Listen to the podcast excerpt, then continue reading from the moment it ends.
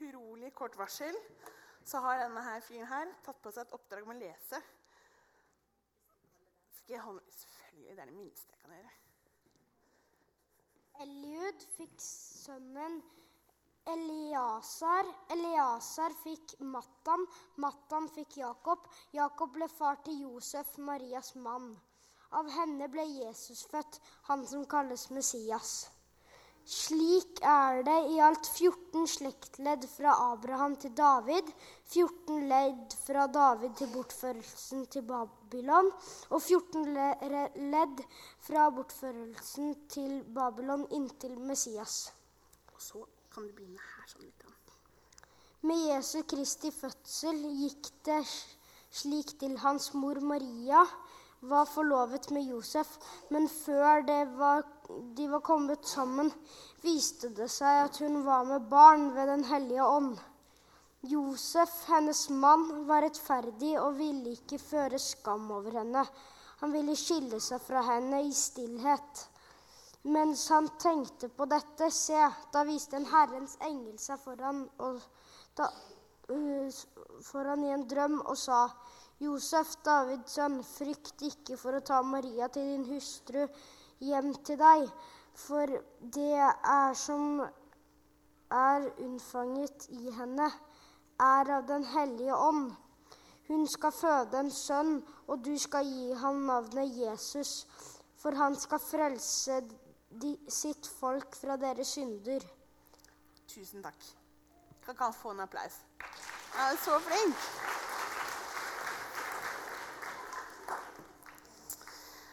Ok, skal vi sjekke om vi får opp et bilde her?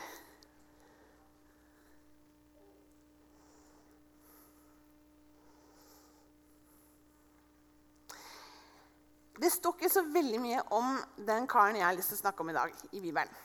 Det står litt i Matteus og det står litt i Lukas. Men allikevel var det mange av dere ungene som visste ganske mye om han flere om. Falsk far, kjæreste, det er masse, masse ting som går rundt på han her. da.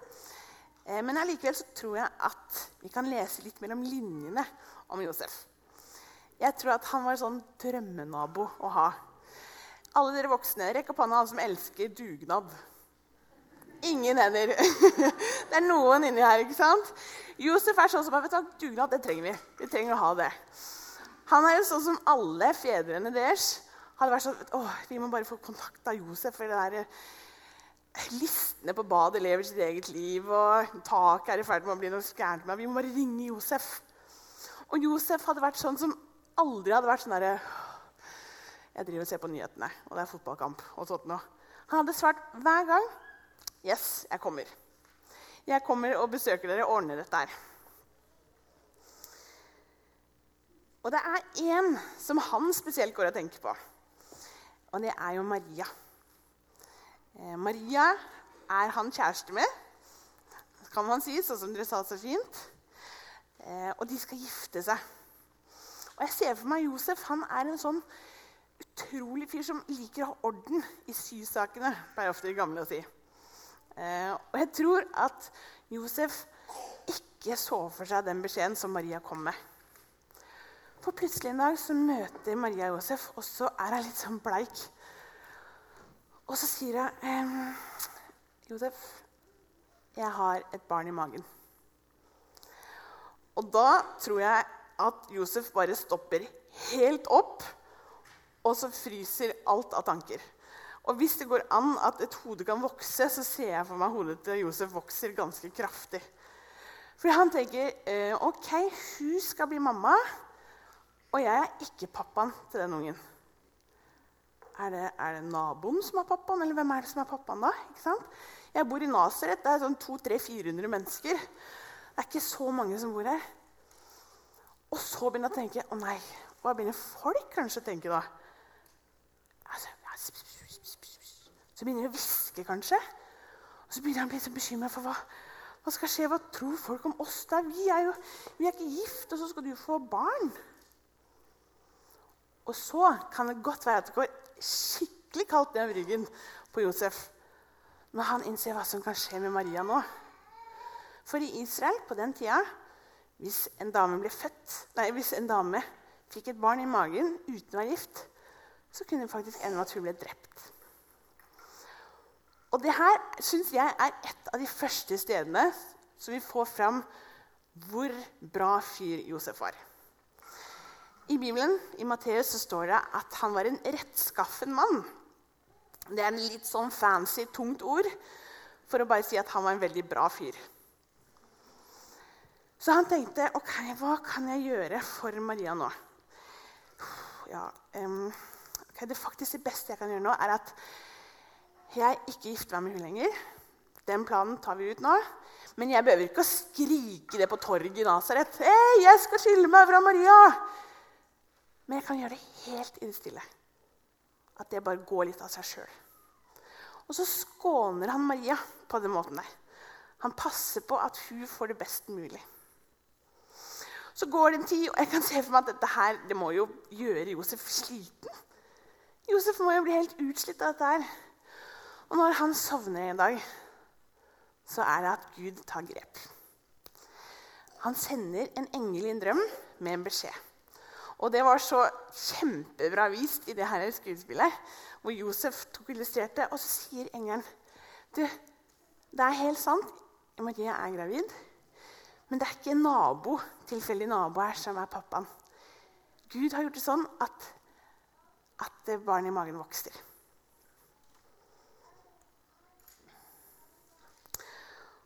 Og så er det fra det øyeblikket så ser vi en Josef som virkelig er en mann. Han tenker ja, ja, da får folk bare si det de vil. For Gud har sagt at dette her skal skje, og da må jeg følge det. Og gjett om han skal få et år som er spennende, som han ikke har sett for seg. Greit nok, I begynnelsen så skjer det ikke så mye med magen til Maria. Jeg tror det er veldig mye sånn Kanskje er litt sånn grinete og litt, litt vanskelig å ha med å gjøre i begynnelsen. Det blir selvfølgelig mitt eksempel. Men etter hvert så skjer det ting. For plutselig denne magen Jeg har fire uker igjen, og Maria hadde én uke igjen der vi skal hoppe inn i historien nå. Og da skjer det store ting.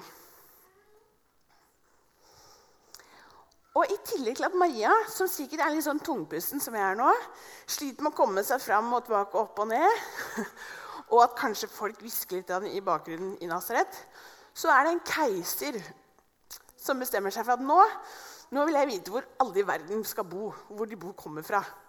Og dere skal dra til det stedet du kommer fra. Du skal skrive deg på lister. Og da hadde det vært ganske deilig for Maria Josef hvis de kom fra Nasaret. ikke sant? men Josef kommer fra Betlehem. Så de må dra på en lang reise.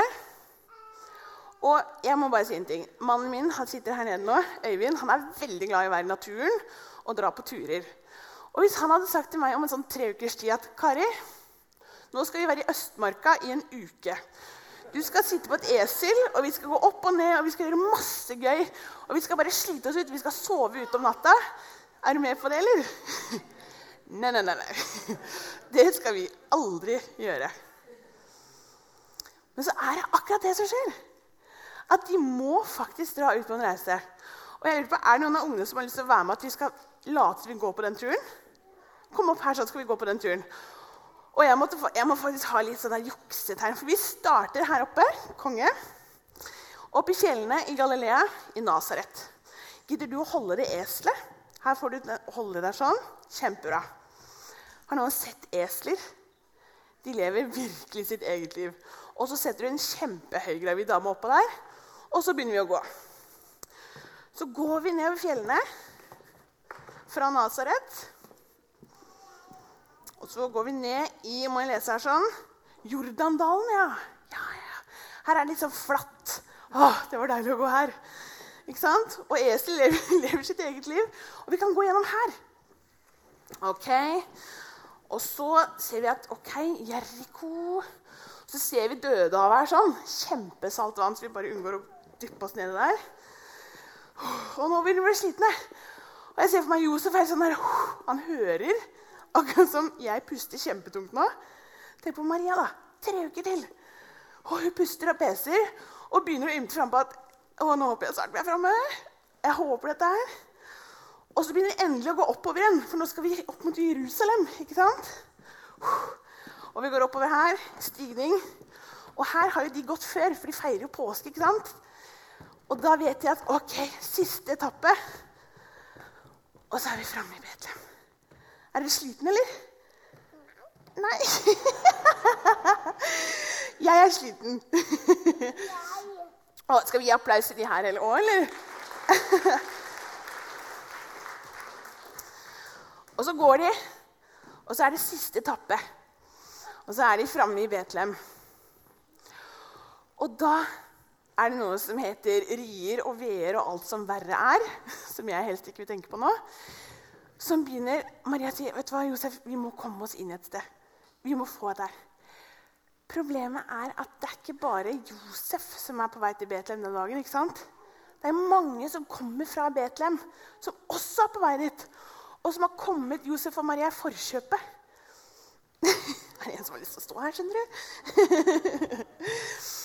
og så banker de på. 'Har du plass her?' 'Nei, det har jeg ikke.' Og så går de videre. 'Har du plass, da?' Og så går de, Jeg tror de leter bare overalt. Og til slutt så er det en som åpner opp, og så ser han på en megastressa Josef. Som er sånn 'Vær så snill, slipp oss inn. Hun føder om to sekunder, og jeg må gjøre dette her.' Og så blir han skikkelig sånn herre OK, det er helt fullt hos meg også, men jeg har en stall. Jeg vet ikke, Kan det funke? Og så er liksom Josef sånn derre Tenk, da, tenk så sliten han er. All ære til Maria også. Men Josef han har tre oppgaver foran seg. Han er mann for første gang. Han skal være pappa for første gang. Og det er skummelt i seg sjøl. Men han skal også være jordmor for første gang. Altså, Menn har én oppgave når kona skal føde, og det er å ikke besvime. ikke sant? Mens Josef har så utrolig mange oppdrag på en gang. Og så kommer de inn, og så blir han sånn derre ja, ja, ja, ja, ja. Vi tar den stallen hvor det er dyr som bæsjer, og det lukter vondt, og det er bare skikkelig uhygienisk, og det er kjempedumt å føde et barn der. Du får sånn kjempeimmunsystem, da, sikkert, så det er bra med det òg. Og så føder Maria. Og så er det ett tips jeg har fått. Når du har født, Kari, ikke få besøk av for mange, for du er ganske sliten. Ikke sant? Og så ser jeg for meg at de bare er helt sånn Å, nå skal vi bare ligge og sove her nå. Så banker det på døra. Og så blir Josef sånn Hæ? Har vi kjent folk i Betlehem? Hvem er det som skal komme her nå? Så lukker han opp døra, og inn kommer de vismenn, og det kommer gjetere. og det er bare så, De bare braser inn, for de har jo hatt en hærskare av engler og en svær stjerne. og Jeg ser for meg at Josef er litt sånn derre Hæ? Hva skjer her nå? Bare for noen måneder siden så levde jeg et helt vanlig liv. Jeg var snekker. Og så driver Gud og ordner og styrer med alt dette her. Og så forteller vismennene at kongen i landet han har fått nyss i at Jesus han blir kalt også konge. Og det er ikke den kong Herodes skal for. Så de forteller at Vet du hva? Det her er ikke bra. Så legger Josef seg den kvelden. Da håper jeg på en måte at det, hele det her gjestegreiene har dratt. Og de får puste litt ut. Og så kommer det på nytt en engel i en drøm. Og så sier den engelen at vet du hva, Josef? Dere må dra til Egypt. Det er ikke trygt å dra tilbake igjen. Og så våkner Josef dagen etter, og så innser han at OK, jeg trodde ikke det her kunne bli så veldig mye verre. Vi har vært på vandring kjempelenge, og vi bare født i en stall, og alt er skittent. Og jeg er kjempesliten, og vi har levd i ni måneder med å forklare at Maria ble, ble gravid uten å ha en annen mann. Og det er bare kjemperart. Og nå så skal vi være flyktninger. Det er ikke trygt å være der vi har lyst til å være. Og det er disse her tinga vi kan lære så mye av Josef. For det første så tror jeg ikke Josef hadde så lyst til å gjøre alt dette her. Akkurat som jeg har ikke så lyst til å være i Østmarka i fem dager om tre uker. Jeg har egentlig aldri lyst til å være i fem dager i Østmarka, så det er jo greit nok, det. Eh, men, Men, men Josef gjorde det. Josef tenkte ok, dette her har Gud sagt jeg skal gjøre, så da må jeg gjøre det. Det var ikke hans plan, men det viktigste var å følge Guds plan. Det andre vi kan lære av Josef, det er at han var veldig snill mot en person som ikke kunne gi noe særlig tilbake til han. Maria hun var helt hjelpeløs og hadde egentlig ikke noe sjanse til å gjøre noe som godt tilbake som kunne måle seg med det som Josef gjorde for henne. Det er det vi kaller ubetinga kjærlighet. Han gjør ikke sånn 'Ja, jeg kan gjøre dette mot deg, Maria, men da skylder du meg resten av livet.' Han var sånn 'Dette skal jeg gjøre for Maria'.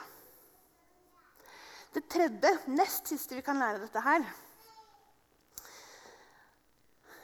det er at vi må faktisk av og til gjøre ting som kanskje folk som ikke tror på Gud, syns er litt rart.